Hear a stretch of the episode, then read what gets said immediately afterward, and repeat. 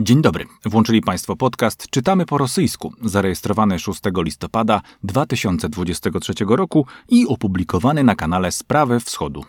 Bardzo serdecznie dziękujemy Państwu za wyrazy wsparcia, okazywane między innymi poprzez wpłaty do naszej skarbonki Buy Coffee 2.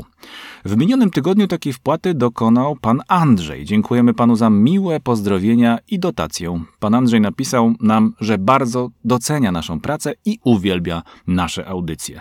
A my, panie Andrzeju, szanowni państwo, uwielbiamy dla państwa nagrywać. My, czyli Magdalena Paciorek, Marcin Strzyżewski i mówiący te słowa Bartosz Gołąbek. Dziś w trzyosobowym składzie będziemy mówić między innymi o kolonizowaniu księżyców Jowisza przez Republikę Tatarstan. Zapraszamy do słuchania.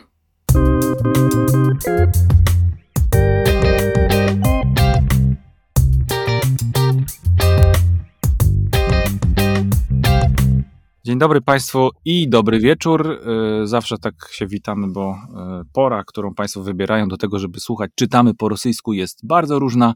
Wiemy o tym doskonale. Jest nam z tego powodu także miło, bo to wygodne jednak jest e, zjawisko podcasty. Dzisiaj jesteśmy we trójkę, czyli jest z nami również dawno niesłyszana, zawsze to powtarzamy, ale jest to prawda, dawno niesłyszana na żywo, to znaczy na żywo z nami w nagraniu Magdalena Paciorek. Cześć Magdo, powiedz co ciekawego przeczytałaś. Cześć, dobry wieczór, dzień dobry Państwu. I ja przeczytałam e, artykuł z Kawkas Reali, który porusza temat funkcjonowania kaukaskiej diaspory, konkretnie we Francji. E, I temat jest taki dosyć powiązany, powiązany z nieprzyjemnymi incydentami, ponieważ w październiku zatrzymano minimum czterech imigrantów z Czeczenii i dwóch z Inguszetii w związku z, z podejrzeniami planowania przestępstw na tle religijnym i wszystkie te zdarzenia przez e, media francuskie, przez e, Ministerstwo Spraw Zagranicznych są powiązywane z konfliktem palestyńsko-izraelskim, który jak wiemy po ostatnich wydarzeniach, chociażby w Dagestanie, z tematem, na który żywo, gwałtownie, nawet poniekąd radykalnie reagują muzułmańscy mieszkańcy Kaukazu. W artykule wspomniane są trzy zdarzenia z udziałem mężczyzn pochodzących z Kaukazu. Pierwsze z nich to zabicie francuskiego nauczyciela Dominika Bernard w miejscowości Arras. W zdarzeniu zostali ranieni również inni pracownicy szkoły. 20-letni Mohamed Moguszkow został skazany za zabójstwo związane z terrorystyczną działalnością, próbę zabójstwa i uczestnictwo w terrorystycznej organizacji. I tutaj taka mała ciekawostka, że którą e, zauważam czytając media e, rosyjskie, podaję tutaj pełne nazwisko, e, a przeglądałam media francuskie, w mediach francuskich, podobnie jak i w polskich, jeżeli mamy do czynienia z kimś, kto dopuścił się jakiegoś mocnego przestępstwa, te dane osobowe, to znaczy nazwisko zazwyczaj jest podawane inicjałem, a tutaj w mediach rosyjskich tego nie ma. Ale wracam do tematu. E, Mohamed we Francji przebywał z innymi członkami rodziny, między innymi z bratem, który odsiaduje wyrok za uczestnictwo w planach napaści na Pałac Elizejskich oraz ojcem, którego deportowali w 2018 roku. Incydent ten odbił się szerokim echem w całej Francji. W związku z nim w państwie wprowadzono podwyższony stopień terrorystycznego niebezpieczeństwa i ogłoszono możliwe deportacje z Francji około 60 osób, które umieszczone zostały na liście. Tak radykałów y, i są na tej liście również um, imigranci pochodzący z Kaukazu. Kolejnym zdarzeniem z udziałem młodego człowieka pochodzącego z Czeczenii było zdrapanie nożem ogrodzenia synagogi w Strasburgu.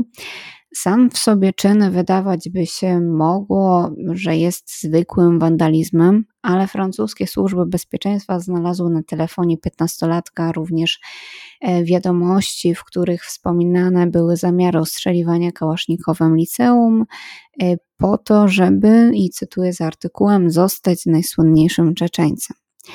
Parę dni po tym zdarzeniu francuskie media powiadomiły również o zatrzymaniu kolejnych czterech nastolatków, trzech pochodzących z e, Czeczenii, jednego z Inguszetii, e, którzy według oficjalnej wersji planowali napaść na konsulat e, Izraela w Belgii. Jednakże powodem, przez który policja zainteresowała się nastolatkami, była skarga dyrektora koledżu na to, że uczniowie stworzyli grę komputerową, której głównym motywem są masowe zabójstwa w szkołach.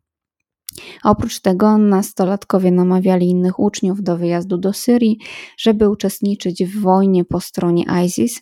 I jako ciekawostkę podam, że skrótowiec ISIS po rosyjsku brzmi IGIL i jest rozwinięciem, e, rozwinięciem islamskiego gospodarstwa Iraka Lewanta.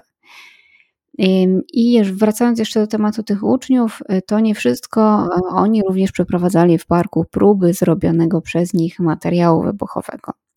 I takie incydenty we Francji czy Belgii wydaje mi się, że nie są nowością. Być może w ostatnim czasie szczególnie, oczy szczególnie zostały zwrócone ku przybyszom z Kaukazu. W tym wszystkim ciekawe są wywody francuskiego ministra spraw zagranicznych Géralda Darmanin, który w opisanych wyżej incydentach upatruje związku z tym, co się dzieje na Bliskim Wschodzie. I domyślałam się, że chodzi mu po prostu o wojnę między Izraelem a Palestyną. I moje pytanie jest takie, czy nie jest to, aby zbyt duże uproszczenie? Motywacje młodzieży do popełnienia takich czynów mogą być przeróżne. W przypadku jednego chłopaka, chociażby funkcjonowanie w dysfunkcyjnej rodzinie. I Temat radykalizacji młodzieży we Francji jest takim tematem rzeką i nie dotyczy tylko przybyszów z Kaukazu, ale prawicowi francuscy politycy i prawicowe media lubią podkreślać etniczną przynależność przestępców, szczególnie tych pochodzących z Kaukazu. I rozmówca Kawkaz Reali Marat Iliasow wyjaśnia, że francuskie media, zresztą jak i inne europejskie media, chętnie sięgają po takie tematy za sprawą rosyjskiej propagandy lat 2000, która próbowała całkiem skutecznie stworzyć stereotyp Czeczena terrorysty. I nie mówię tego po to, żeby idealizować Czeczenów, e, ale nie da się wsadzić wszystkiego i, i wszystkich do jednego worka. Jest mnóstwo Czeczenów pokrzywdzonych przez swoje państwo i politykę Kadyrowa, e, którzy starają się żyć godnie w innym państwie i zazwyczaj o tym państwie mówi się w w kategorii tej nie dającej chluby polityki i działalności przestępczej jakichś jednostek. I tutaj oczywiście muszę podkreślić, że chodzi mi o tą diasporę czeczeńską rozsianą po Europie. Jest jeszcze jedna kwestia, która sprawia, że przestępstwa kaukaskich imigrantów są bardziej nagłaśniane niż incydenty innych imigrantów i chodzi tutaj o, oczywiście o kolonializm francuski. Kaukaz nie ma i nie miał historyczno-kulturowych powiązań z Francją, czyli tutaj wyłania się taki czynnik obcości, inności. I przez y, bardzo krótki okres miałam, y, miałam przyjemność studiowania filologii francuskiej i na zajęciach z kultury, czy tam z mediów francuskich nierzadko padały słowa o dumie Francuzów i ich stosunków do imigrantów. Ten stosunek jest jak najbardziej poprawny i państwo wspiera imigrantów, e, ale jeżeli chodzi o zwykłych obywateli, o społeczeństwo francuskie, y, ten stosunek jest taki chłodny i podkreślający, że ktoś pochodzi z zewnątrz, nie jestem rodowitym Francuzem, nie kultywuje takich a takich tradycji i tak dalej. I tutaj nieważne, czy ta osoba już 40 lat mieszka we Francji, czy, y, czy ma już obywatelstwo, czy świetnie biegle mówi po francusku, jest coś takiego, może, może to jest taka, może to jest też takie mm, spojrzenie My, myślę, że w każdym państwie trochę inaczej się patrzy na imigrantów, ale e, Francja jest takim, takim szczególnym tworem, jeżeli chodzi o to. E, pozwolę sobie iść dalej. W rozmowie z dziennikarzem e, Kawkaz Rali imam z Nicei, Ramzan Magamiedow, wspomina, że większość przybyszów z Kaukazu żyje spokojnie w poszanowaniu prawa, ale niestety takie ataki jak we Francji prowadzą do dyskredytacji, może nawet stygmatyzacji narodu czeczeńskiego. Dodatkowo imam w swoim apelu do członków diaspory wspomniał o tym, że należy być uważnym wobec nastrojów młodzieży, której nie wolno zostawiać na wychowanie ulicy i mediom społecznościowym i trudno się z tym nie zgodzić. Z kolei y, Jambulat Sulejmanow, szef organizacji Jedyna jest siła, e, wspomina o tym, że władzom Francji udało się znaleźć metody współpracy z afrykańskimi diasporami i zaaklimatyzować ich w państwie. Tego jeszcze brakuje obecnie w stosunku do młodzieży imigrantów pochodzących e, nie tylko z Kaukazu, ale i Europy Wschodniej. Przy tym według Sulejmanowa często dochodzi do stygmatyzacji Czeczenów, o, którym, e, o czym już wcześniej wspomniałam, i za sprawą rosyjskiej propagandy, e, a wiemy doskonale, że jeżeli chodzi o stereotypizację narodów, Rosja nie ma sobie równych, o propagandzie e, też nie będę wspominać, bo tutaj można by było długo się rozwodzić. Sulejmanów podkreśla również, że nie ma ani jednego przypadku ataku terrorystycznego, którego dokonałby Czeczeniec w świadomym wieku. We wszystkich przypadkach uczestnikami incydentów była młodzież, która szuka w nowym państwie, nazwijmy to tak, sojuszników według religii i stąd biorą się kontakty z młodzieżą z Bliskiego Wschodu, a młodzież jest bardzo podatna na obietnice prostych rozwiązań. Młodzież chłonie to e, też opowieści o wojnie, a co więcej, co jest wspomniane również w tym artykule, badania na temat traumy dowodzą, że że traumatyczne doświadczenia, a bez dwóch zdań naród czeczeński e, doświadczył wielu takich e, wydarzeń. Nawet takie doświadczenia przeżyte nie bezpośrednio mogą e, oddziaływać nawet na cztery pokolenia do przodu. Wydaje mi się, że w Meduzie był taki bardzo ciekawy artykuł na temat, na temat tej traumy. Oczywiście, jeżeli się nie mylę, podając to źródło. I y, przygotowując się, zadałam sobie takie pytanie, co jest atrakcyjnego we Francji dla przybyszów z Kaukazu? Dlaczego akurat to państwo? I we Francji, między innymi w Strasburgu, Nicei, Montpellier y, i innych y, mniejszych miastach przebywa około 30 tysięcy Czeczenów. Jest to, jeżeli chodzi o kraje europejskie, takie miejsce naj, najczęściej wybierane przez Czeczenów. I pierwsze co pomyślałam, oczywiście, że to jest państwo atrakcyjne pod względem zaplecza socjalnego, ale czy to jest jedyny czynnik? No i tutaj pomyślałam, że to jest kwestia również wytworzenia tam sporej diaspory, ale także mm, społeczeństwa, w którym jest sporo ludności wyznającej islam. E, przy tym bardzo ciekawe jest to, że mm, Francja jest państwem na skroś laickim. E, nie jest mile widziane patowanie przynależnością religijną, szczególnie w instytucjach publicznych, tak jak szkoła i urzędy. I mm, wracając do tych incydentów, myślę, że młodzieży również może być trudno przestawić się na, na taką, e, taki rodzaj kultury, taki rodzaj podejścia do spraw religijnych, i to również może, może powodować pewien e, rodzaj e, buntu, szczególnie jeżeli ta młodzież nie zostanie w jakiś sposób zaklimatyzowana, przyjęta e, otwarcie. Taka, taka luźna myśl. Hmm. Jeśli mógłbym zabrać pierwszy głos, Marcinie. Oczywiście.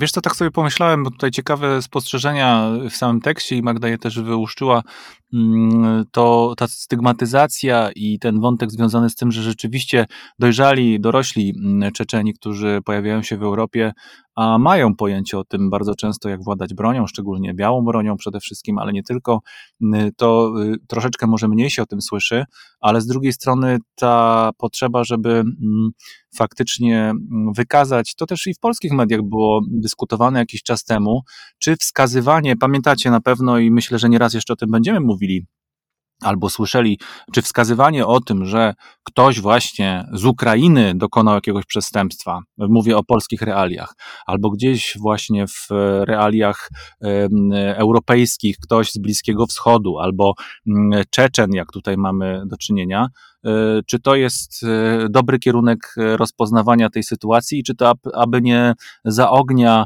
mm, problemów, które i tak istnieją i które nie są łatwo rozwiązywalne. Tutaj w tym tekście mm, troszeczkę autorzy próbują je naświetlić, ale to są rzeczy, które są znane przecież od już dobrych kilkunastu co najmniej lat a z całą pewnością one pulsują w naszych świadomościach. Ja tak myślę, oszacuję to mniej więcej na rok 2001 pewnie, E, kiedy, kiedy doszło do e, tragedii w Stanach Zjednoczonych i uwypukliły się te elementy związane z, mówię o akcie terroru i o samolotach wbijających się w wieżę World Trade Center, e, później cała ta operacja związana z, z pewnego rodzaju wybudowaniem wizerunku ludzi z Bliskiego Wschodu jako przede wszystkim terrorystów. To, co Magda powiedziała, jest zupełnie słuszne. No, na pewno trzeba e, ostrożnie e, tym, e, tym określeniem się posługiwać, bo absolutnie nie wszyscy oni są mm, związani z, ze światem przestępczym, jakbyśmy go nie nazwali, bo to terroryzm jest oczywiście także szajki różnego rodzaju przestępcze, o tym była niejednokrotnie też mowa w prasie. Był czas przecież, kiedy Czeczeni słynęli z, również mm, w, z, z, ze sprawności w mm, transferowaniu, trafikowaniu samochodów krajowym, no różne, różne sprawy tego typu wychodziło, ale właśnie z określeniem, właśnie z tym desygnatem narodowościowym. E, I e, bardzo ciekawe jest to spostrzeżenie, ostatnia tutaj kwestia, która nam moją uwagę zwróciła, że ktoś mm, zerknął e, Francuzom troszeczkę pod kołdrę i powiedział, zobaczcie, jesteście troszeczkę pod silnym wpływem, wydajecie się być pod silnym wpływem rosyjskiego planu na opowieść o Czeczenii, która jest dobra tylko wtedy, kiedy jest Czeczenią Ramzana Achmatowicza Kadyrowa, który robi absolutnie skandaliczne rzeczy u siebie w domu, na miejscu e, i nawet e, można e, ocierać się tutaj o kwestie związane z ludobójstwem prawdopodobnie w niektórych sytuacjach, mm, a jeśli chodzi o Czeczenów gdzieś za granicami, w ogóle Czeczenów nawet w Moskwie, o tym ostatnio przecież też było w, w Marcina, mm, tekście, który znalazł, co prawda to nie chodziło o Czeczenów, ale o muzułmanów w, szer w szerszym kontekście. E, mówiliśmy o tym jakiś czas temu e, tutaj u nas, więc e, jeśli chodzi o te kwestie, no to można spokojnie kreślić grubą kreską mm, dzikusów czeczeńskich, którzy gdzieś po Europie szaleją i w związku z tym tym bardziej należy się trzymanie ich pod butem gdzieś e, u nas, naszymi sposobami, naszymi metodami, obecnie putinistycznymi. Pytanie jest oczywiście zawsze zwrotne, czy to Czeczenia trzyma Putina w garści, czy Putin Czeczenię, mm, ale prawdą jest, że w, akurat w przypadku francuskim myślę, że mm, zostało wykonanych wiele różnego rodzaju ruchów i działań po to, żeby Francję w różnych, od różnych konsekwencji uchronić, a nie jest to zazwyczaj jeszcze wciąż stuprocentowo skuteczne i warto zawsze sobie uświadomić to, że mm, ci mm, przedstawiciele świata, nazwijmy go szeroko arabskiego, e, będący właśnie w kulturze francuskiej, to już jest któreś pokolenie. To są ludzie, którzy mm, przychodzili na świat we francuskich e, e, porodówkach, którzy od przedszkola tam są i tak dalej, i tak dalej. A Czeczeni napływowi, przypomnę to też nam, sobie zawsze to przypominam, OK, można zadawać pytanie. Jeśli przyjechali tam, to powinni pewnie, że tak, próbować dostroić się do rzeczywistości, która ich otacza, ale pamiętajmy, oni nie przyjeżdżają tam dlatego, że tak dobrze im było w domu. Po prostu to jest konsekwencja jakiegoś e, działania opresyjnego, które dotyka ich na ojczystej ziemi. I to dotyka ich dziesięcioleciami. Magda wspomniałaś o kolonizacji francuskiej jakbyśmy tego nie nazywali, Rosjanie, także ci mówiący w XIX wieku, wieku po francusku, tam przybywający, jak Puszkin, Lermontow i jeszcze paru innych by się wskazało, też nie przyjeżdżali tam po to, żeby e, przynosić samo dobro. Także no, ciekawy bardzo temat i bardzo ciekawy, jak on również w mediach rezonuje i jak te klisze narodowościowe się tam e, objawiają. Pozwolę sobie zacząć od żartu, że oni przybywali na Kaukaz nie po to, żeby przynosić samo dobro, tylko żeby wynosić samo dobro, bo w dużej mierze taki jest sens kolonizacji, żeby stamtąd zabierać to, co dobre.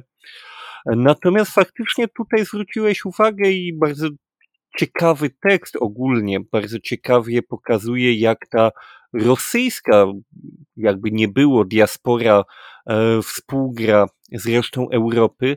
I ja bym chciał tutaj zwrócić uwagę właśnie na to, że skąd oni przybyli, z jakim bagażem, bo poruszyliście to i to jest, y, wydaje mi się, najbardziej istotne w tym, w tej całej historii, to znaczy bagaż tych młodych ludzi, którzy mają naprawdę ciężką historię za plecami, bo mają z jednej strony właśnie kolonizację rosyjską, mają czystki etniczne z czasów Stalina, czystki polegające na wysiedleniu narodu czeczeńskiego.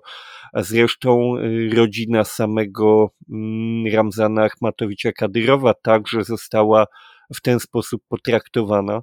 Mają za sobą wojny czeczeńskie obie, no i mają za sobą e, w tej chwili w trakcie, w zasadzie mają doświadczenie totalitarnego reżimu, który, e, jeśli mogę tak stwierdzić, w Czeczenii stał się totalitarny trochę szybciej niż w innych regionach Rosji, więc faktycznie to są ludzie, w których ściera się, zwłaszcza ci młodzi, kilka różnych bardzo sprzecznych ze sobą żywiołów, bo na przykład to mogą być ludzie, którzy w jakiś sposób poddawani są wpływom ojczystym, wpływom Kadyrowa, wpływom e, putinizmu, ludzie, którzy mieszkają na Zachodzie, ale posiadają kulturowy, medialny kontakt ze swoim ze swoją poprzednią, oryginalną ojczyzną i słyszą w kółko, jak ten Zachód chce przecież tę Rosję wraz z tą Czeczenią zniszczyć, jak to bardzo ten Zachód niszczy wartości, które oni w teorii powinni wyznawać. Rozumiem, że no my tutaj siedzący razem na tym podcaście mamy duże doświadczenie, jeśli połączyć je, to już wiele dziesiątek lat razem w trójkę śledzimy tematy rosyjskie, w tym propagandę, my już potrafimy lawirować pomiędzy tymi skałami, ale 16-17-letni e, człowiek młody, który słucha tego wszystkiego, jest na pewno w tym bardzo zagubiony, bo z jednej strony coś widzi wokół siebie, z drugiej strony coś słyszy, co płynie do niego ze starego, starej ojczyzny, właśnie z wyidealizowanego kraju rodziców, gdzie wszystko było mm, inne, czasem takie, jak powinno być w tym wyidealizowanym obrazie, więc bardzo możliwe, że ci ludzie w tym się gubią, a dodatkowo jeszcze dochodzi tutaj ten konflikt religijny. Oni byli mniejszością i w tej nowej ojczyźnie są mniejszością, która nie tylko jest inna od powiedzmy francuskiej większości, ale i od innych y, wyznań, innych przedstawicieli wyznań muzułmańskich, no bo jednak Kaukaz jest pod wieloma względami wyjątkowy, co zresztą było dość dobrze widać, kiedy e, po pierwszej wojnie czeczeńskiej do Czeczeni przybyli różni ochotnicy mm, pochodzący z krajów muzułmańskich, arabskich, którzy E, czasem dochodziło do konfliktów wręcz na tle tego, jaki ten islam jest tym islamem poprawnym, bo wiemy w każdej religii, która rozprzestrzeniła się na wiele różnych y, kontynentów, krajów i narodów, takie różnice są zawsze zauważalne, więc tutaj także one były widoczne. I tu podejrzewam, że oni także mają mm, po prostu duże tożsamościowe problemy na różnych płaszczyznach politycznej, etnicznej, religijnej. I w gruncie rzeczy chciałoby się powiedzieć, że tych młodych ludzi, tych młodych Czeczenów, którzy faktycznie we Francji tworzą często bardzo głośne problemy, warto byłoby w jakiś sposób wysłuchać w jakiś sposób im pomóc y, się w tym wszystkim odnaleźć, bo z całą pewnością nie jest to proste, a jeszcze w ostatnich miesiącach robi się to jeszcze mniej proste, ponieważ część Czeczenów walczy po jednej stronie frontu, w Ukrainie część Czeczenów walczy po drugiej stronie frontu. Wydaje się, że mm, jest to do pewnego stopnia zrozumiałe, że ludzie istniejący w tak y, niesamowicie skomplikowanym otoczeniu, mogą mieć ogromny problem ze stworzeniem dla siebie jakiejś wartościowej tożsamości i schodzą z tej drogi. Oczywiście te wszystkie tłumaczenia są zapewne mało warte dla chociażby nauczyciela, który został zabity przez takiego młodego Czeczena. Niemniej wydaje mi się, że w tego typu sytuacjach warto próbować zrozumieć sprawców, choćby po to, żeby e, innych młodych ludzi, którzy mogą wejść na tę samą zgubną przede wszystkim dla siebie drogę, e, po prostu z tego powstrzymać, mm, zawrócić ich z tej drogi. A jako ciekawostkę chciałbym powiedzieć, że mieliśmy okazję być w ostatnich tygodniach w Luwrze w czasie ewakuacji, która miała związek z wysokim stanem alarmu terrorystycznego spowodowanego właśnie tym morderstwem i ze wstydem się muszę przyznać, że kompletnie tę ewakuację przegapiliśmy, wyszliśmy z Luwru, bo po prostu skończyliśmy zwiedzać i dopiero po jakimś czasie e, udało mi się mm, przeczytać, że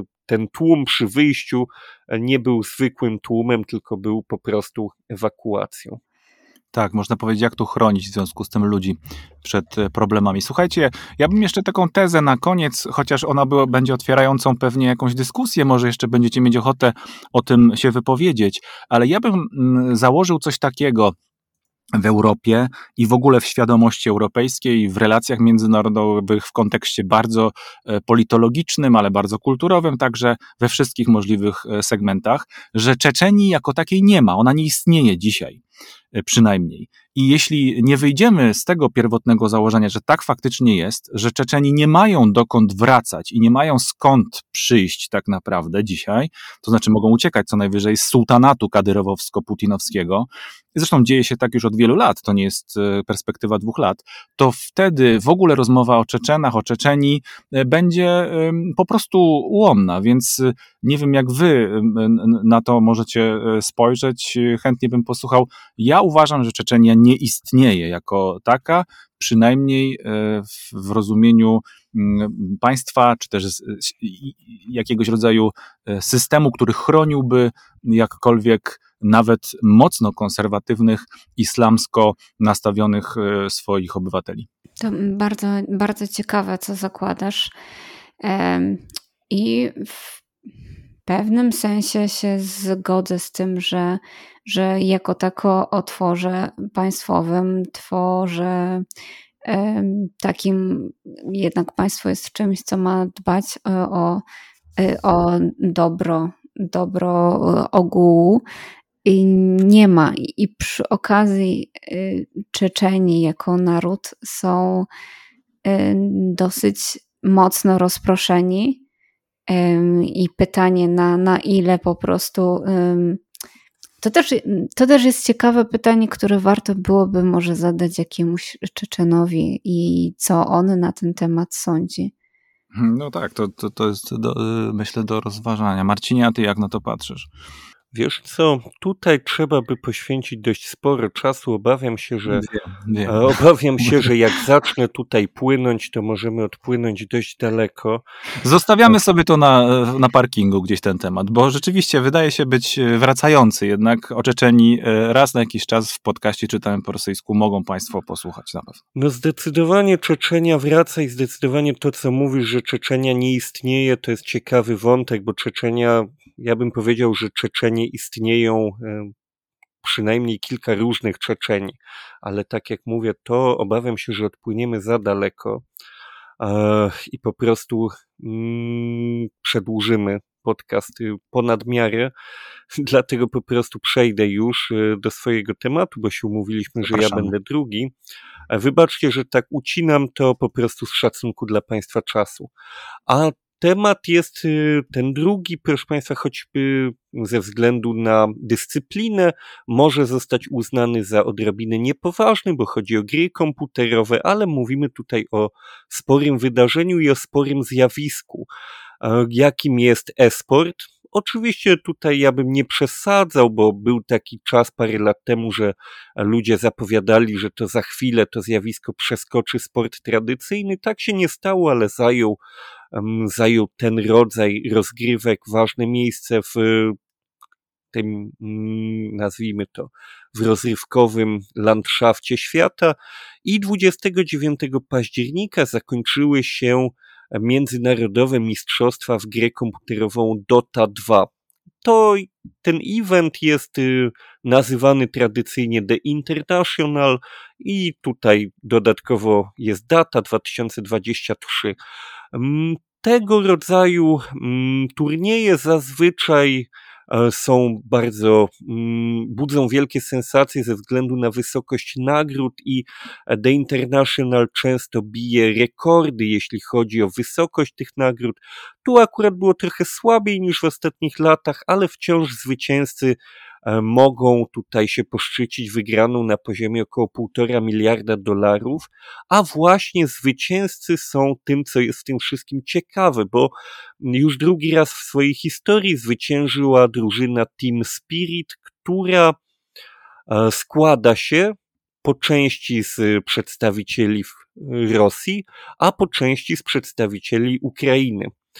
To jest y, dość dziwaczna sytuacja. Tutaj warto wyjaśnić, że w przeciwieństwie do tradycyjnych rozgrywek sportowych, mm, takich międzynarodowych, Mistrzostwa Świata w esporcie nie odbywają się w drużynach narodowych.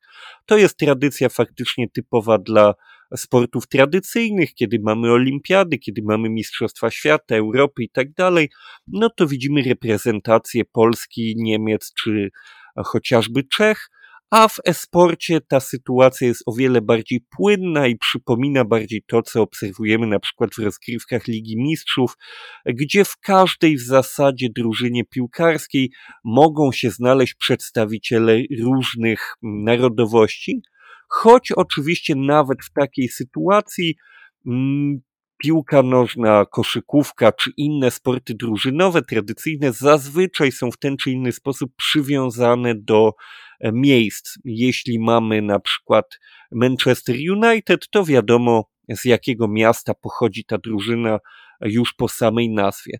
W esporcie wygląda to zupełnie inaczej i tutaj właśnie jest taki przypadek drużyny mieszanej rosyjsko-ukraińskiej, która pozostała w tym składzie po wybuchu pełnoskalowej wojny pomiędzy Ukrainą i Rosją, którą oczywiście rozpoczęła rosyjska agresja. Zresztą we wcześniejszych latach także ta drużyna grała w tym składzie, pomimo że ta pełzająca wojna po aneksji Krymu już przecież trwała.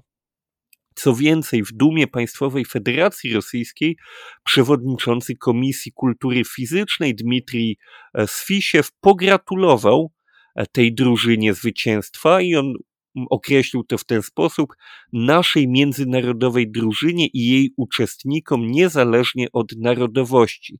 Dodał on też, że Team Spirit jest naprawdę dobrym przykładem dla wszystkich sportów i federacji, które starają się E, brać pod uwagę politykę. To znaczy, on tutaj wskazuje na to, że mogłyby inne organizacje sportowe nie brać e, poprawek na politykę i w domyśle pozwalać rosyjskim graczom brać udział w olimpiadach, mistrzostwach i tak dalej. To jest też ciekawa sytuacja, bo Team Spirit faktycznie zareagował na zmiany. E, miesiąc po wojnie, 20, po wybuchu wojny 24 marca zeszłego roku, klub przeprowadził się oficjalnie do Serbii. To też jest ciekawy wybór, bo oczywiście tutaj jest to kraj no, przynajmniej częściowo Rosji przyjaznych, nie otwarcie wrogi, chociaż Serbia dość mocno lawiruje w tego rodzaju e, politycznych rozgrywkach i jednocześnie zachowuje pewne pozory przynajmniej neutralności wobec Rosji, a z drugiej strony serbska amunicja dociera do wojska ukraińskiego dość regularnie, w związku z czym Mm, w związku z czym no, można ich uznać w pewnym sensie za y, wrogów Rosji. Niemniej ten wybór był faktycznie ze strony Team Spirit, y, Team Spirit y, dość rozsądnym wyborem. Klub nie poprosił zawodników o to, by na przykład zmienili obywatelstwo i zrywali więzi, natomiast faktycznie oni mm, zachowali pewnego rodzaju E, postawę antywojenną i wydali oświadczenie, zgodnie z którym drużyna była przeciwna wszelkiej wojnie i przemocy. Bardzo takie delikatne, e, bardzo delikatny przekaz bez jasnego określania agresora w tym konflikcie, co wydawałoby się powinno nastąpić, ale no lepsze to niż nic. E, dodatkowo oni zostali w Dubaju wystawieni do rozgrywek w specjalnych, nietypowych dla tej, dla tej drużyny koszulkach z napisem e, PiS, czyli pokój. I oczywiście to nie, e, nie wystarczyło wszystkim, żeby zrozumieć, jaka jest postawa tej drużyny. Między innymi ukraińscy dziennikarze, blogerzy, na przykład Michał e, Zwieriow, pytał jednego z ukraińskich zawodników Team Spirit, jak to jest, że oni grają razem e, z, z Rosjanami, czy to tak wypada. I w odpowiedzi usłyszał, że gram w tym klubie, powiedział zawodnik drużyny Ukrainiec, ponieważ wiem z kim gram, znam ich sytuację, wiem jacy to ludzie. Mnie osobiście tego typu, y, tego typu wypowiedź przekonuje w tym sensie, że ja prywatnie nie przekreślam wszystkich Rosjan tylko dlatego, że Rosjanami się urodzili. Wydaje mi się, że ma to swoją, mm, swój sens i znaczenie, żeby po prostu traktować każdego indywidualnie. Indywidualnie też poszczególne federacje sportowe, organizacje sportowe traktują poszczególne drużyny, bo na przykład właśnie Team Spirit zdyskwalifikowane nie było e, z rozgrywek, a inna Mm, drużyna esportowa rosyjska Virtus Pro została już e, wyrzucona tymczasowo z rozgrywek. To się później zmieniło. Tam się zmienił e, prezes, dyrektor generalny. Mm, dyrektorem generalnym został Ormianin Aram e, Karamanukian, jeśli dobrze wymawiam to nazwisko, i im ostatecznie pozwolili wrócić. Natomiast początkowo uznano, że Virtus Pro jest zbyt blisko rosyjskich władz, rosyjskich dużych firm, żeby pozwalać im uczestniczyć w rozgrywkach, a tutaj przy okazji warto powiedzieć jeszcze a propos tego, jak bardzo w esporcie te sprawy są i były zawsze wymieszane, że Virtus Pro, która właśnie po wojnie została tymczasowo w różnego rodzaju rozgrywkach zawieszona, e, była organizacją, w której grali sławni Polacy, tak zwana Złota Piątka, to był taki najbardziej znany, popularny i osiągający największe sukcesy zespół polskich esportowców. W składzie TAS, Pasza, Neo, Snacks i Biali. Oni faktycznie w piątkę pod rosyjskimi de facto barwami, choć nie wszyscy fani w ogóle zdawali sobie z tego sprawę, odnosili wiele międzynarodowych sukcesów ale później ta drużyna mm, Counter-Strike'a y, Federacji Virtus Pro się zmieniła, zresztą nie jeden raz i obecnie wszyscy zawodnicy mm, tej konkretnej y, drużyny y, Virtus Pro Counter-Strike to są Rosjanie z kazachskim trenerem. Więc tutaj te sprawy mm, są bardzo płynne w zasadzie. Tutaj ciężko mówić o jakichś narodowych drużynach, ale mimo wszystko to, że e, Ukraińcy i Rosjanie są w stanie w ramach jednego zespołu nie tylko grać, ale i osiągać sukcesy, to jest w dużym stopniu dla mnie prywatnie inspirujące, w tym sensie, że to pokazuje, że te e, konflikty są w dużej mierze sztuczne. Zresztą to chyba rozumiemy wszyscy, że dopóki w jakiś sztuczny sposób ten konflikt w Donbasie nie został stworzony, to tak naprawdę Ukraińcy i Rosjanie żyli obok siebie, pracowali u siebie, rozwijali wspólnie kulturę, naukę, technologię, biznes i w zasadzie nie było tutaj żadnych problemów czy otwartej wrogości i niestety E, to zostało w ostatnich latach na naszych oczach wytworzone, a ci młodzi ludzie pokazują, bo to często w esporcie dobre wyniki pokazują, tak jak i w sporcie tradycyjnym, przede wszystkim młodzi właśnie ludzie, to pokazuje, że w nich jest nadzieja na jakieś późniejsze pogodzenie i e, ja osobiście dopatrywałbym się tu raczej pozytywnych aspektów i na pewno bym się nie czepiał tych młodych ludzi, że grają razem. Hm, to ciekawe zjawisko. E, konflikty, masz rację, Marcin, sztuczne e, w dużej mierze, ale te śmierci są niestety prawdziwe. To jest najbardziej tragiczne w tym wszystkim, nie? Magda? E, ja tutaj mam takie skojarzenie z właśnie e-sportem, że to jest taki nie wiem, nie wiem, czy to jest jakiś mój stereotyp, ale, ale stykając się z tym, kojarzy mi się z taką grą fair play e, i, i mm, w sumie bardzo fajnie słyszeć, że, że są takie drużyny mieszane, które są w stanie się dogadać i że ten sport to robienie czegoś wspólnie jest ponad takie podziały, ale przy okazji tutaj taka refleksja, bo kiedyś rozmawialiśmy na temat sportu w kontekście olimpiad i tam udziału rosyjskich sportowców tak. i wydaje mi się, że e-sport jest jeszcze na tyle młodą dyscypliną, na tyle taką odrębną, na tyle nie ustrukturalizowaną, na tyle nie jakoś sformalizowaną, upolitycznioną, że takie rzeczy są możliwe. Nie wiem, co o tym sądzicie. Ciekawe, znaczy, że to jest y, sport trochę nowej generacji, nowych pokoleń. Nie wiem, Marcin, właśnie chciałem się o to pytać, bo jesteś lepiej zorientowany w tej tematyce. Jak to się wydarzyło, że te drużyny e-sportowe mogą być ponadnarodowe i, i to działa? Tutaj może zacznę od tego, przejdę zaraz do tego, e, co hmm. mówisz, ale zacznę od tego, o czym wspomniała e, Magda, że faktycznie tutaj ta struktura jest mniej skostniała, a co za tym idzie, nie ma na przykład nie zawsze są, nie w każdym kraju i nie w takim stopniu, to jest widoczne jak w tradycyjnym sporcie, takich nazwijmy to instytucji i państwowych i centralnych, jak na przykład Polski Związek Piłki Nożnej, tak? Tak musiałby być tutaj jakiś, powiedzmy, nie wiem, rosyjski Związek Counter-Strike'a. To mhm. sprawia, że te mm, firmy, drużyny nie są tak blisko związane z dofinansowaniami państwowymi, a nie mają tak często obiektów sportowych, które były finansowane przez władze regionalne, są dużo bardziej niezależne od państwa i to właśnie także pod tym względem sprawia, że mogą sobie pozwolić na więcej swobody, wolności od państwa. Natomiast jeśli chodzi o to, co ty pytasz, y, mm, panie doktorze, to jest y, faktycznie kultura, która wyrosła w bardzo dużym stopniu po prostu z internetu, który jest mm. globalny.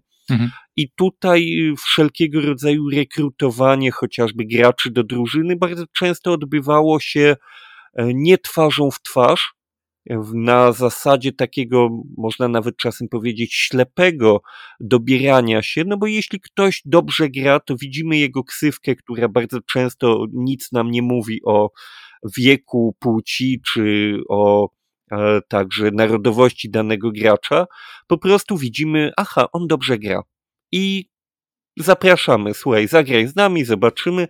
I to jest pewnego rodzaju, nazwijmy to taka utopia tolerancji, w tym sensie, że żadne e, stereotypy nie wpływają na taką decyzję. Jeśli wchodzimy na mapę, na serwerze, e, to możemy trafić, no może nie na kogokolwiek, bo te serwery często są regionalizowane po prostu ze względu na zwyczajną, zwyczajne opóźnienie na łączach. To znaczy, lepiej jest grać z człowiekiem z Europy, jeśli jesteśmy w Europie, bo ten czas reakcji technicznie na nasze działania będzie mniejszy niż na przykład z graczem z RPA. To są kwestie techniczne, ale równie dobrze możemy grać właśnie e, z Czeczenem z Francji, który gra na europejskich serwerach i nie ma z tym żadnego problemu. I nie mamy pojęcia, że on jest muzułmaninem, siedemnastolatkiem, który właśnie wyjechał z Czeczeni i ma traumę, bo jego ojciec przeżył wojnę i się na nim wyżywa. O tym wszystkim nie mamy pojęcia, po prostu widzimy, czy ktoś dobrze gra, czy źle gra, i w ten sposób można faktycznie dość, byśmy powiedzieli, bez e, jakichkolwiek uprzedzeń sformować drużynę, która później okazuje się wielonarodowa. Choć oczywiście są tutaj pewne ograniczenia, takie jak na przykład konieczność komunikowania się jednak, e, no, esport wymaga ciągłej komunikacji, tutaj kwestie językowe są potrzebne, ale opanowanie nawet języka angielskiego w stopniu potrzebnym do komunikowania się w grze jest zazwyczaj w zasięgu takiego człowieka, więc to też nie jest aż tak duży problem. Można by rzec, że to takie trochę imperium kompetencji, y, ten e-sport, mimo wszystko, bo faktem jest y, to, co powiedziałeś, jestem sobie w stanie to wyobrazić, że mm, ten y, czeczeński chłopak spod Montpellier na przykład gdzieś tam gra tak dobrze, że po prostu nie ma to absolutnie żadnego znaczenia, że, że on na przykład E, jest tym rosyjskim czy czeczeńskim, być może nielubianym przez polityków i media w innym kraju albo nie postrzeganym jako gość mile widziany a tutaj daje sobie radę i doskonale to robi. Tak sobie pomyślałem przy tym kontekście, dzisiaj trochę o tych tożsamościach mówimy. Moje, moją uwagę to taka też refleksja z weekendu. Zwróciły, bo akurat przemieszczałem się troszkę po mieście, y, po mieście Krakowie i moją uwagę zwróciły mm, afisze mm, z reklamami przedstawień, spektakli baletowych Jeziora Łabędziego. Słuchajcie, ja to wrzuciłem na Instagrama Spraw Wschodu i też na, na Facebooka mm, e, Spraw Wschodu, bo po prostu do, dożywa mnie gdzieś to dotknęło wszystko, bo mm, oczywiście dużo mówiło się w zeszłym tygodniu także o śmierci Władimira Putina domniemanej. Mm, mnie się to od razu skojarzyło takim łańcuchem przyczynowo-skutkowym z Jeziorem Łabędzim prezentowanym w telewizji i nagle widzę te jeziora Łabędzie na afiszach w, w Krakowie, tylko, tylko właśnie mm, te spektakle są realizowane i pokazywane przez ukraińskie grupy baletowe, e, Royal Lviv Ballet, Royal Ukrainian Ballet, tak się nazywają przynajmniej.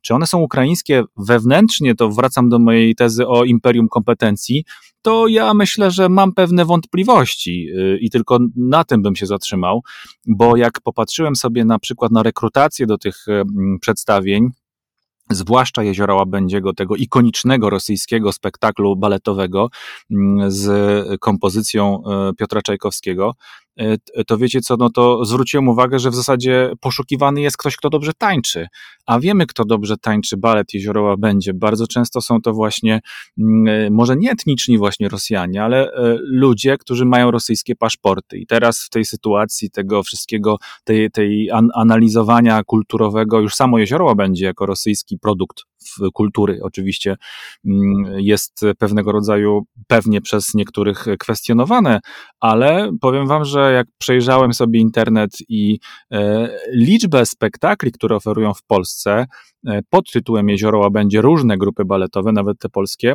to jestem e, pod dużym wrażeniem i taka delikatna być może korespondencja z tym, co Marcinie mówiłeś, jeśli chodzi o te kompetencje Chodzi o to, żeby dobrze to zatańczyć, żebyś umiejętnie pokazał ten, ten świat, e, tą sztukę ruchu ludzkiego ciała e, i nieważne tak naprawdę, kim jesteś, mm, to jest trochę wychodzenie ponad politykę z całą pewnością, czyli kultura, sport może gdzieś faktycznie daje tę tą łączność. Nie wiem, czy, te, czy to porównanie e, baletowe z sportem jest takie zupełnie trafione, ale po prostu nie mogłem się oprzeć, żeby tego sobie i wam też nie powiedzieć.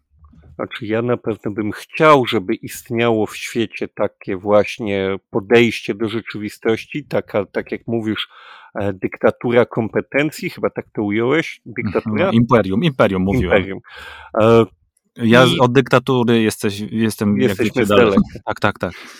Myślałem, że od Imperium też nie, ci nie blisko, ale... dobre, dobre, tak. Wie, wiesz, ale, to zależy, ale, wiem, ale kompetencji... Ale, ale, wiemy o co chodzi i wydaje mi się, że właśnie to, o czym mówiliśmy tutaj, czy ja mówiłem o tych sztucznych y, konfliktach, no to jest niestety właśnie to, że wszyscy byśmy chcieli już tutaj przynajmniej do tego dążyć, żebyśmy patrzyli na ludzi ze względu na to, co oni robią, co mówią, co czują, kim są, a nie na podstawie tego, gdzie się urodzili i po prostu szukać w sobie nawzajem tego, co nam wychodzi, w czym jesteśmy dobrzy, a nie walczyć tylko dlatego, że ktoś się urodził w innym kraju. To, to jest bardzo obce dla mnie podejście, no ale są tacy ludzie, którzy jednak e, walczyć lubią z jakiegoś powodu, wolą się nienawidzić.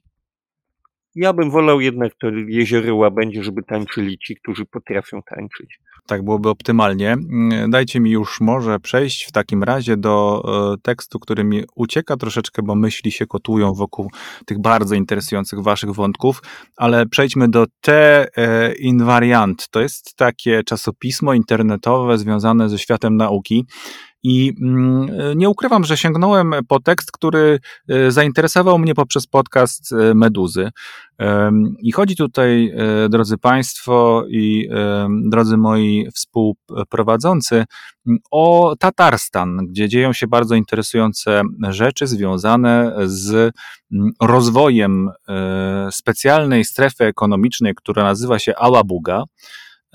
I redaktorzy inwariantu zwrócili uwagę na niezwykłe tutaj zbiegi okoliczności i pomysły, które tam są generowane, żeby ten rozwój jeszcze bardziej pobudzić. Otóż ta specjalna strefa ekonomiczna mm, trafiła już w tym roku na strony światowych mediów e, serią głośnych skandali.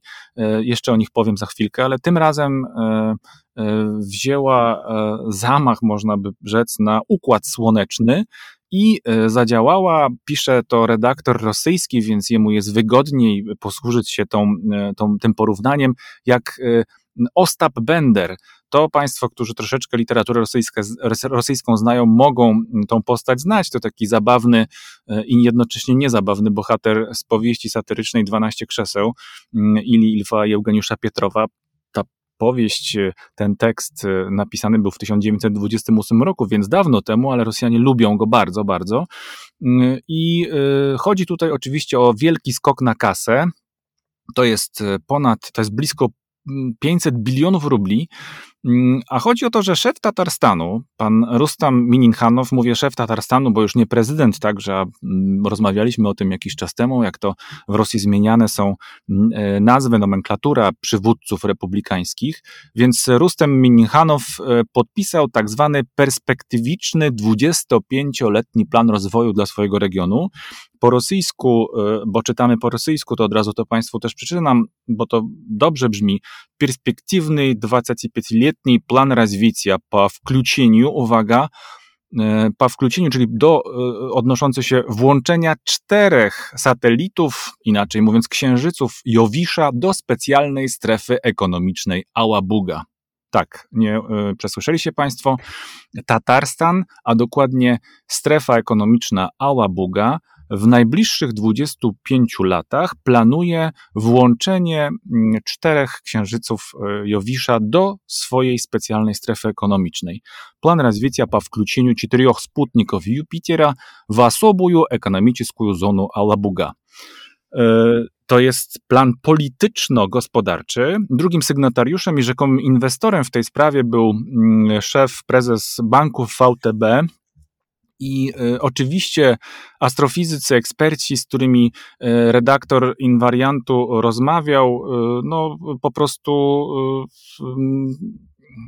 zdyskredytowali ten plan, ten pomysł. Mało tego, wskazali na dokumenty państwa rosyjskiego współczesnego, których y, nie przewidywane są żadne projekty związane w ogóle z Jowiszem, mm, przynajmniej do roku 2036. E, jest to zatem dość ekstrawaganckie podejście, dla wielu nawet anegdotyczne, bo to Państwo sami już usłyszeli, e, co to znaczy tak naprawdę. Włączenie e, księżyców Jowisza do strefy ekonomicznej rosyjskiej. I nawet jak na Rosję, redaktor Jewgeni Nasyrow, który zbadał ten temat, no po prostu zapaliła mu się lampka czerwona, zielona, niebieska i wszystkie inne kolory, żeby zobaczyć o co faktycznie chodzi. Co tam się właściwie w tej e, strefie ekonomicznej Ałabuga w Tatarstanie dzieje? E, bo to też jest bardzo ciekawe. Ona uchodzi za jedną z najlepszych w ogóle w tej części świata w sensie najbardziej efektywną. Tak to przynajmniej zostało e, przedstawione i tak się ona mieni e, w, we wszystkich możliwych mediach. Jak się Państwo domyślają, e, dotarł redaktor do bardzo ciekawych odkryć, które mają swój szerszy kontekst. Pierwszy z nich to jest interesująca płatna uczelnia Ałabugi, Ałabuga Politech i to ona właśnie zwróciła uwagę mediów jakiś czas temu. Mm, ta uczelnia jako cel główny swojej działalności ostatnimi czasy wskazała rozwój badań, a tak naprawdę montowania e, aparatów latających, zwanych potocznie dronami. No i uczelnia jak uczelnia, można by rzec, nic nadzwyczajnego. Politechnika taka prywatna wewnątrz tatarstańskiej strefy ekonomicznej, ale ona ma tutaj także wyjątkowy ideowy odcień, ideową barwę. Siedziba tej uczelni, drodzy Państwo, 18-piętrowy biurowiec, no, przypominający piramidę egipską. To z całą pewnością na zdjęciach widać. Przypominam, że linki e, do e, naszych źródeł zawsze podajemy w opisie do odcinka, więc mogą Państwo spokojnie skorzystać i zerknąć na tą egipską piramidę w środku Tatarstanu. I jak, wyś, jak wyjaśnili przedstawiciele tej firmy, która jest e, także prowadzącą uczelnię. Struktura e, piramidy także symbolizuje strukturę mm, no, zasobów ludzkich i zarządzania w tej właśnie e, firmie, w tej właśnie instytucji, tak naprawdę, bo to uczelnia wciąż. I w tej właśnie instytucji każdy student może awansować na stanowisko kierownicze, czyli wspinać się po szczeblach na górę, właśnie na szczyt tej piramidy. Egipskie motywy kulturowe można tam również odnaleźć w wielu elementach wnętrza, na przykład hieroglify na ścianach lub wzory w windzie, także mm, ci, którzy byli to wiedzą i potwierdzają. A co więcej, i to jest mega interesujące, co więcej, wchodzący do budynku napotykają od razu siedem figur, takich rzeźb, wybitnych osobowości, przynajmniej zdaniem ojców założycieli uczelni, jak zakładamy także samego Milinchanowa i wszystkich tych, którzy dali błogosławieństwo, żeby ta uczelnia tam funkcjonowała w takim, właśnie w takiej konwencji. I tych siedem wybitnych osobistości, drodzy Państwo, mm, zdaniem władz uczelni y, to były osoby, które miały wybitny wpływ na rozwój ludzkości i są to, y, tutaj odsłaniam już tą tajemnicę, po pierwsze były premier Singapuru, jeden z twórców tak zwanego singapurskiego cudu gospodarczego Lee Kuan Yew, chiński polityk Deng Xiaoping, y, stoi tam także jeden z ojców założycieli Stanów Zjednoczonych, Alexander Hamilton, jest też angielski lekarz, twórca szczepionki przeciwko ospie Edward Jenner i rzymski cesarz Trajan i faraon Amenechmat III. No ale najciekawsze jest, drodzy Państwo, że obok nich stoi także Josif Wisarionowicz Stalin w pełnym roście, tak można powiedzieć, wyprostowany. Warto też zauważyć, podkreślić, że w pobliżu właśnie jego statui, jego rzeźby jest też taki piedestał, taki podest, na którym może stanąć każdy, kto chce zostać sfotografowany z wodzem e, sowieckim, no, Instagram na pewno i inne sieci społecznościowe z radością przyjmą takie zdjęcie, więc założono, że właśnie przy nim, przy tej postaci należy postawić e, taki, e, taki, taki po prostu stojaczek, no można powiedzieć taką, taki podnóżek. Nie wyjaśniają jednak dokładnie żadne źródła, ani ten tekst, do którego się powołuje, dlaczego akurat Stalin stoi koło tych przywódców, no a już sama konfiguracja, dlaczego akurat ci ludzie, no można gdzieś tam się doszukiwać ich rzeczywiście wpływu na ludzkość ze Stalinem, miałbym pewne jednak wątpliwości.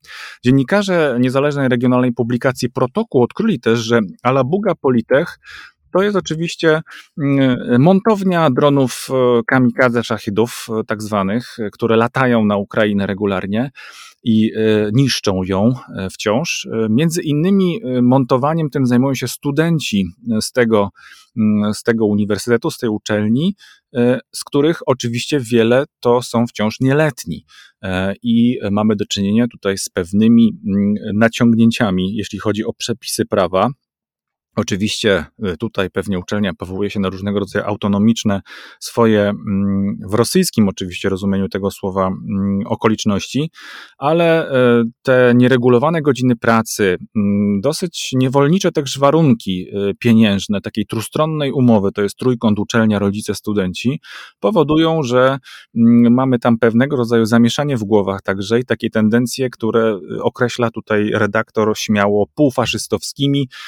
Zresztą Zresztą o faszyzmie rosyjskim już dużo powiedziano, dużo się mówi. Ostatnio Maksim Katz ciekawie zwrócił uwagę na mm, takie nowe wideo, nową produkcję youtubera e, Bad Comediana, który też ciekawie opowiada o tym w kontekście nowego filmu historycznego rosyjskiego. Odsyłam Państwa do Maksima Kaca. Na razie jednak wracam do Ałabugi. Młodzi ludzie w tutaj y, pokazani y, w, jako pewnego rodzaju y, promocja tej, tej instytucji, no nie ukrywają jednak faktu, że ich praca to jest ich zdaniem przynajmniej i zdaniem ich pryncypałów no, patriotyczny dług. No i co ciekawe, jeszcze jedna rzecz, paintball. Paintball wszechobecny, drugi znaczący krok e, tej uczelni, żeby troszeczkę, jak przynajmniej twierdzą niektórzy, oczyścić swoje dobre imię nie z tego, że tam Stalin stoi bynajmniej, tylko właśnie z tego nadużywania mm, siły roboczej młodzieży. To letnia afera, która została wyeksponowana przez media. No i ten paintball, drodzy Państwo, to jest e, pierwsza rzecz e, w życiu studentów poza zajęciami. Mm, sieci społecznościowe uczelni no, w całości poświęcone są patriotycznym rozgrywkom paintballowym między studentami. Jak policzył redaktor mm, z mm, tego właśnie czasopisma Teen Variant, to jest ponad 100 wpisów na ten temat w ogóle.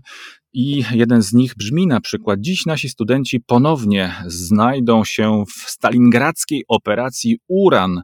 I oczywiście paintballowo rozgrywają Stalingrad mm, tam gdzieś e, w, na zapleczu uczelni. No i tak to wygląda, jeśli chodzi o te najbardziej takie smakowite kąski. A dyrektor generalny uczelni mm, Timur Szagiwaliew odkrył mm, nowy program rozwoju Ałabugi przed światem, przed Radą Tatarstanu, właśnie przed e, przywódcą i poprosił o strategię e, na 25 lat do przodu. Temu właśnie sprzyjał też projekt polityczny.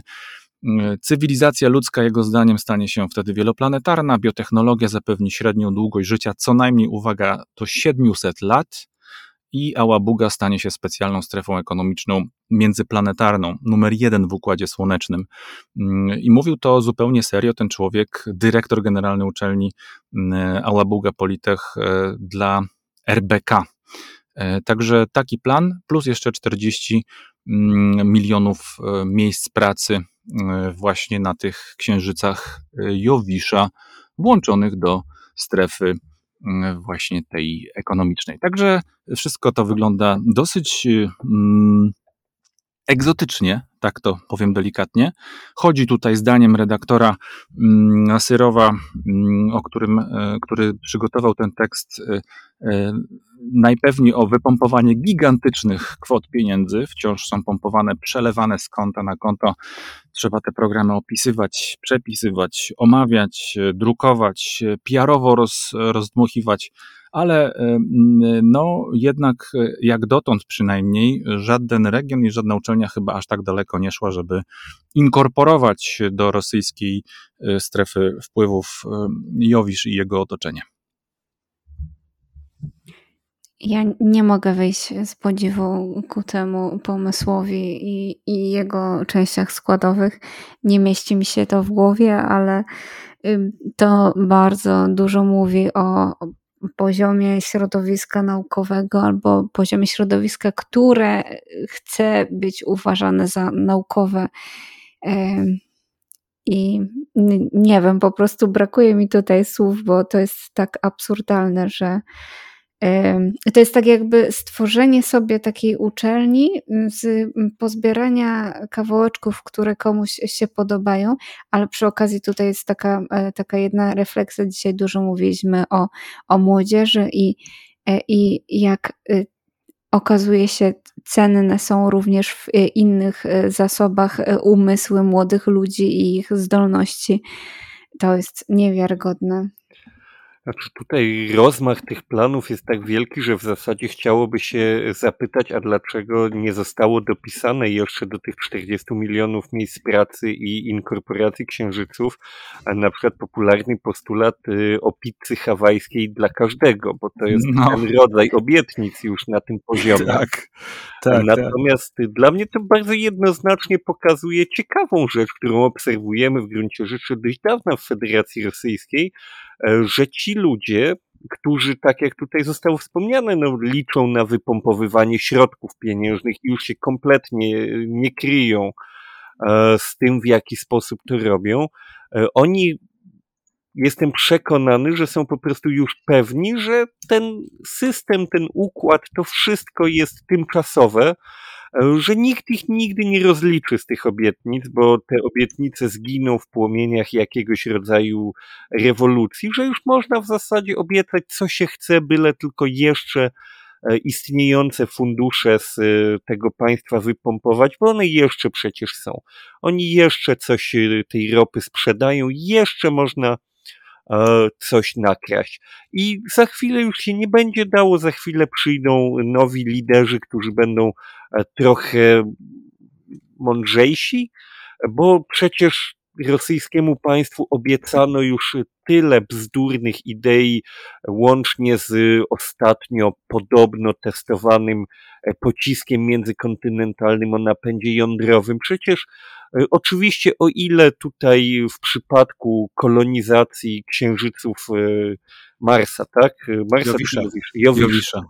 To tak naprawdę można by powiedzieć, że oni zarzucą wędkę na Alfa Centauri i ściągną ją na Ziemię. To, to, to można obiecać już cokolwiek. Y, elektrownię napędzaną energią martwych dusz, tu już w zasadzie już, już nie ma znaczenia. I wcześniej się jeszcze krępowali, jeszcze krygowali, jeszcze e, pilili te mm, pieniądze na projektach, które w teorii miały jakieś podstawy, szans, żeby zaistnieć. Brzmiały racjonalnie. Mhm. Do pewnego stopnia, jak właśnie ten Burjewiestnik, rakieta o napędzie jądrowym, tak, ona no, też to jest projekt, który był przecież tego rodzaju Mm, projekty, to nie jest nic, co wcześniej nie powstało, z czym nikt wcześniej nie eksperymentował. Eksperymentowali, próbowali dawno temu, okazało się, że jest to zupełnie bez sensu. Zresztą w czasach radzieckich też nie tylko Amerykanie tego typu projekty gdzieś tam po drodze testowali, jak statki latające z napędem jądrowym. Okazało się, że to nie ma w zasadzie większego sensu, ale ktoś y, Putinowi i jego ekipie ludzi niewykształconych, niekompetentnych, wyciągnął ten pomysł ktoś i go sprzedał, no bo przecież tym ludziom można sprzedać. Amerykanie takie mają? Nie, nie mają. No to, no to zapłaccie pieniążki, żeby było. W branży motoryzacyjnej jest to bardzo widoczne. Co chwilę ktoś wymyśla jakieś pomysły w stylu narodowej limuzyny dla prezydenta, później się kończy na samochodzie poskładanym jak potwór Frankensteina z części chińskich, zachodnich i tych od Żyguli. Sprzedały się 24 sztuki, z czego 23 dla państwa. Już tu nie pamiętam liczb, ale generalnie na komercyjnym rynku mm, tych samochodów luksusowych rosyjskich sprzedano kilka sztuk. E, nikt na tym nie zarobił e, rubla oprócz ludzi, którzy po prostu wzięli pieniądze z budżetu państwa na to, żeby taki projekt przygotować, a teraz ktoś będzie brał przez jeszcze chwilkę e, pieniądze na, no na co? Na plany kolonizacji e, księżyców Jowisza w państwie, które zapomniało, jak e, się wysyła aparaty badawcze na księżyc, które kiedyś to potrafiło, ale no wtedy to było inne państwo, to była to był Związek Radziecki, czyli Rosja, Białoruś, Ukraina, Kazachstan, Azerbejdżan, Gruzja i ogromny inny mm, potencjał międzynarodowy w zasadzie pod jednym dachem skupiony, a teraz została sama Rosja, która nie pamięta jak wylądować na Księżycu, ale Tatarstan będzie Pierwszy. Będzie inkorporował księżyc. Tak. Chyba, że zrobią to tak jak z Krymem. Poczekają, aż ktoś inny hmm. go, go zajmie, a potem go zdobędą. No beczka śmiechu. To znaczy, wiesz, na usprawiedliwienie dodam tylko tutaj, żeby być precyzyjnym, bo to ważne, że chodzi o cztery y, najstarsze, naj, najba, najdawniej odkryte mm, satelity Jowisza, i o Europę, Ganimedesa i Kalisto. E, z 95, o których już wiadomo, naturalnych satelitów Jowisza, to, to, to jedna rzecz, e, oczywiście na marginesie, a druga kwestia jednak cieszy w sumie, że nie tylko Nawalny i jego ludzie patrzą na ręce, że jakiś nawyk, przynajmniej w części redakcji umysłów rosyjskich, które są absolutnie świadome tego, jak są piłowane właśnie te rosyjskie budżety w regionach i generalnie w całym, w całym kraju, że pewnego rodzaju nawyk kontroli już się wypracował i widać, i wychodzą pewne kwestie. Oczywiście ta jest obrzydliwa, jeśli chodzi o swoją o swoje e, chamstwo de facto intelektualne, bo ja bym to tak określił. Nie wiem, czy się zgodzicie ze mną, może trochę za daleko idę, ale ja bym to nazwał nie, po prostu intelektualnym chamstwem. Absolutnie nie za daleko. Nie za daleko, więc to, więc to tak bym widział i na to jednak ktoś zareagował. Mało tego, tutaj ja o tym nie mówiłem, ale tam wprowadzony, wciągnięty był trochę do tej debaty, do tej dyskusji w tej sprawie jeden z takich szanowanych e, rosyjskich popularyzatorów nauki, e, człowiek, który zna się na kwestiach e, kosmosu, Władimir Surdin.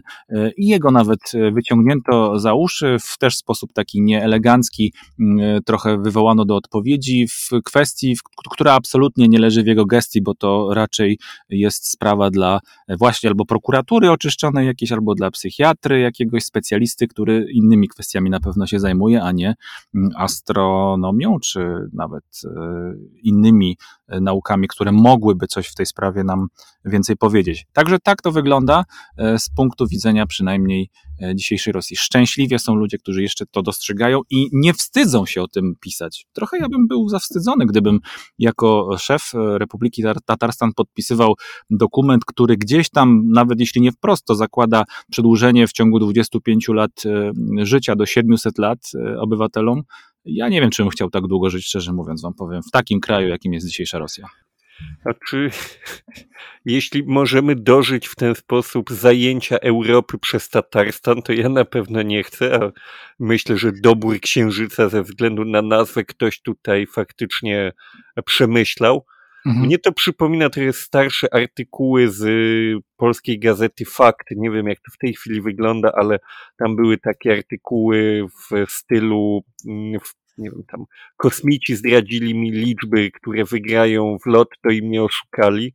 I było to zatytułowane bodaj kosmiczni kanciarze. I myślę, że podobnie jak w przypadku y, wypowiedzi tutaj władz Tatarstanu, tak samo i tam przy okazji tamtych artykułów, w których pojawił się chociażby w ogólnopolskiej gazecie cytat z konia, który wypowiadał się w sprawie wydarzeń, tak, na polskiej wsi, no, że no tak. oni po prostu już tam do rozpuku się śmiali, wymyślając te rzeczy i, i myślę, że oni mają pełną świadomość, jak bardzo to jest głupie to, co robią, no ale póki jest dochodowe, Mhm. Przypieli wrotki i pojechali.